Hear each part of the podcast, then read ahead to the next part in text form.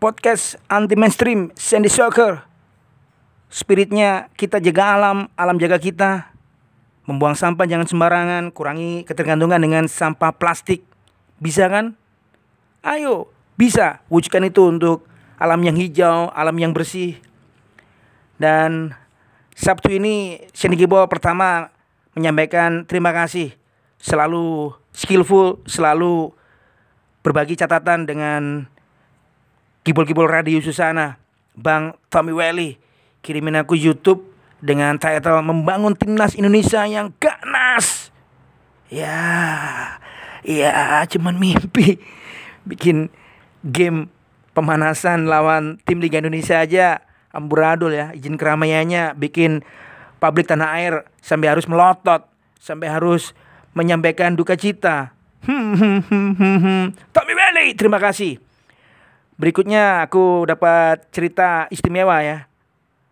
Ngelihat bintang Jerman pernah mendarat di Emirates berjersey Gunners Mesut Ozil. Info teranyar Ozil menggugah sebuah foto sedang kusuk berdoa. Dia memakai background Masjid Istiqlal di ibu kota Jakarta. Ada di kawasan Jakarta Pusat, Indonesia. Ozil bola ini ya baru saja dibekap cedera dia injured ketika tampil di game lawan Antalyaspor Liga Turki Kamis tanggal 4 Maret WIB. Ozil terlihat mengerang kesakitan setelah duel dengan Freddy dan harus meninggalkan lapangan pada menit ke-67. Dalam situasi yang sangat-sangat sedih, injured, Ozil nggak lupa memanjatkan doa kepada Allah Subhanahu wa taala. Ozil mengungkapkan rasa syukurnya dan percaya bisa segera pulih dengan menggugah foto dirinya pakai background Masjid Istiqlal. Luar biasa Ozil. Luar biasa.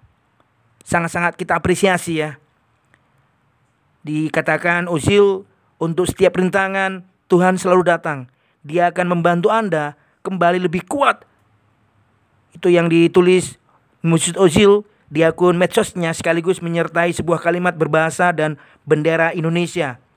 Cedera yang dialami Ozil, robek ligamen di pergelangan kaki. Beberapa media Eropa meyakini mantan bintang Real Arsenal harus menepi bisa 4 hingga 6 pekan.